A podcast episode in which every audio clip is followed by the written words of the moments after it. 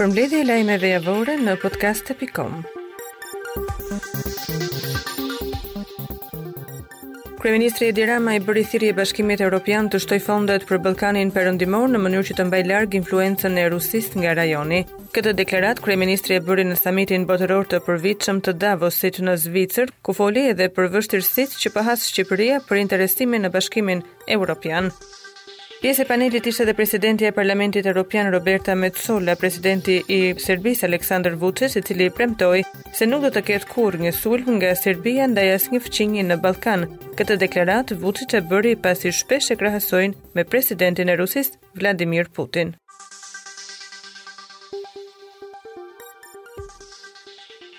Anglia vijon pa u ndalur në dëbimin e shtetasve shqiptarë që ndodhen atje dhe të atyre që kanë përfunduar dënimet në burgjet angleze. Një zëdhënës i Ministrisë së Brendshme Home Office tha se një avion charter ka sjellë në Rinas 26 persona, Mes tyre, persona që kishin mbërritur javët e fundit ilegalisht me gomone. Home Office thotë po ashtu se në mes të dëbuarve janë edhe shqiptarë të dënuar për vepra penale si armbajtje pa leje, shitje droge e klasit A. Këta persona ishin dënuar në total me 44 vite burg. Stuhia që ka mbërthyer vendin prej ditësh tashmë, ndërsa Shkodra përmbytet për herë të tretë brenda 3 muajsh.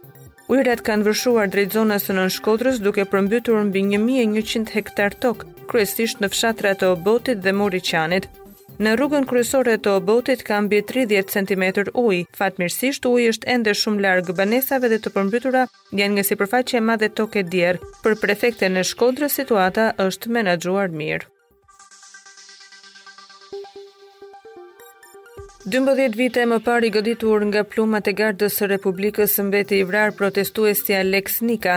Pak më tutje në bulevard u vranë edhe tre protestues të tjerë.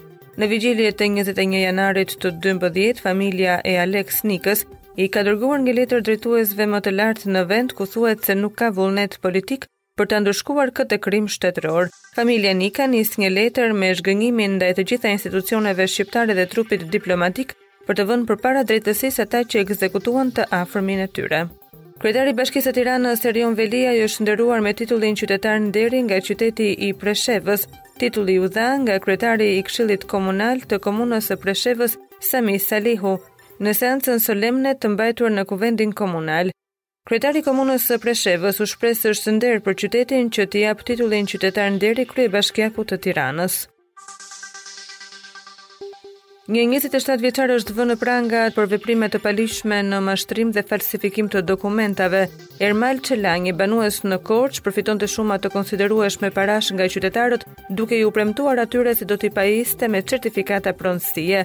I riu punonte në një zyrë private konsulence. Materialet i kaluan prokurorisë pranë gjykatës së shkallës së parë Korçë për veprime të mëtejshme.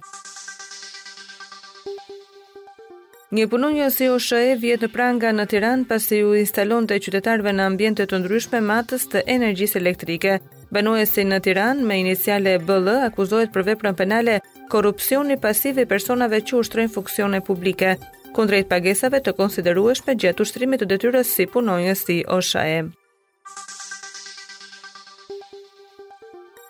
Një sasi e vogël eksplozivi është hedhur në mesnatë në shtëpinë e një punëtori të ndërtimit në kryeqytet. Policia njofton se rreth orës 00:05 në rrugën Ndoc Martini në verandën e banesës së Demir Carës është hedhur lëndë plasëse.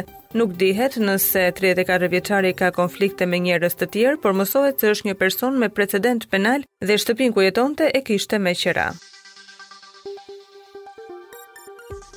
Bankat shtrënguan sërisht kushtet e kreditimit si për bizneset ashtu edhe për individët përgjatë tremujorit të katërt të vitit të kaluar. Në vrojtimin e Bankës Qendrore për aktivitetin kreditues shpjegohet se bankat janë bërë më konservatore në dhënien e huave për shkak se kanë perceptuar rrezik dhe pasiguri lidhur me situatën e përgjithshme ekonomike që mund të prekë bilancet e bizneseve si dhe buxhetet e familjeve, duke ndikuar në aftësinë paguese të tyre. Kjo ka bërë që raporti i aplikimeve të pranuara për kredi të bjerë këtë periudhë. Edhe për ekspertët e ekonomisë, kjo sjellje e bankave ishte e pritshme, nisur edhe nga rritja e normave të interesit, Bizneset kanë kërkuar kredi kryesisht për mbulimin e nevojave për kapitale qarkulluese, ndërsa vërehet se kërkesa për hua tek individët është ulur si për konsum ashtu edhe për blerje të banesave. Ky trend pritet të vazhdojë edhe përgjatë tremujorit të parë të vitit, sipas vrojtimeve të Bankës së Shqipërisë. Sipas Bankës Qendrore, kriteret e kreditimit pritet të jenë të shtrënguara si për segmentimin e individëve ashtu edhe për bizneset e vogla dhe të mesme, ndërsa do të mbeten të pandryshueshme për biznesin e madh. Dita e hënë do të nisë me prezencën e vranësirave të shumta dhe reshjeve të shiut, më të fokusuara këto në zonat jugore, ndërsa në zonat malore do të kemi reshje dëbore. Duke filluar nga e marta e në vijim do të ketë edhe orë me diell në vendin tonë, por herë pas here do të kemi edhe vranësira të shpeshta të cilat do të zhvillohen duke sjellë reshje të pakta shiu në ultësirën perëndimore dhe reshje dëbore në zonat malore. Temperaturat në javën e fundit të janarit do të zbresin në minus 5 gradë Celsius në qytetet e zonave malore, ndërsa maksimumet luhaten në 13 gradë Celsius në ultësirën perëndimore. Për sa i përket parametrit të erës, mbetet disi problematik përgjatë ditës së sotme duke filluar nga e hëna e tutje do të kemi dobësim të erës.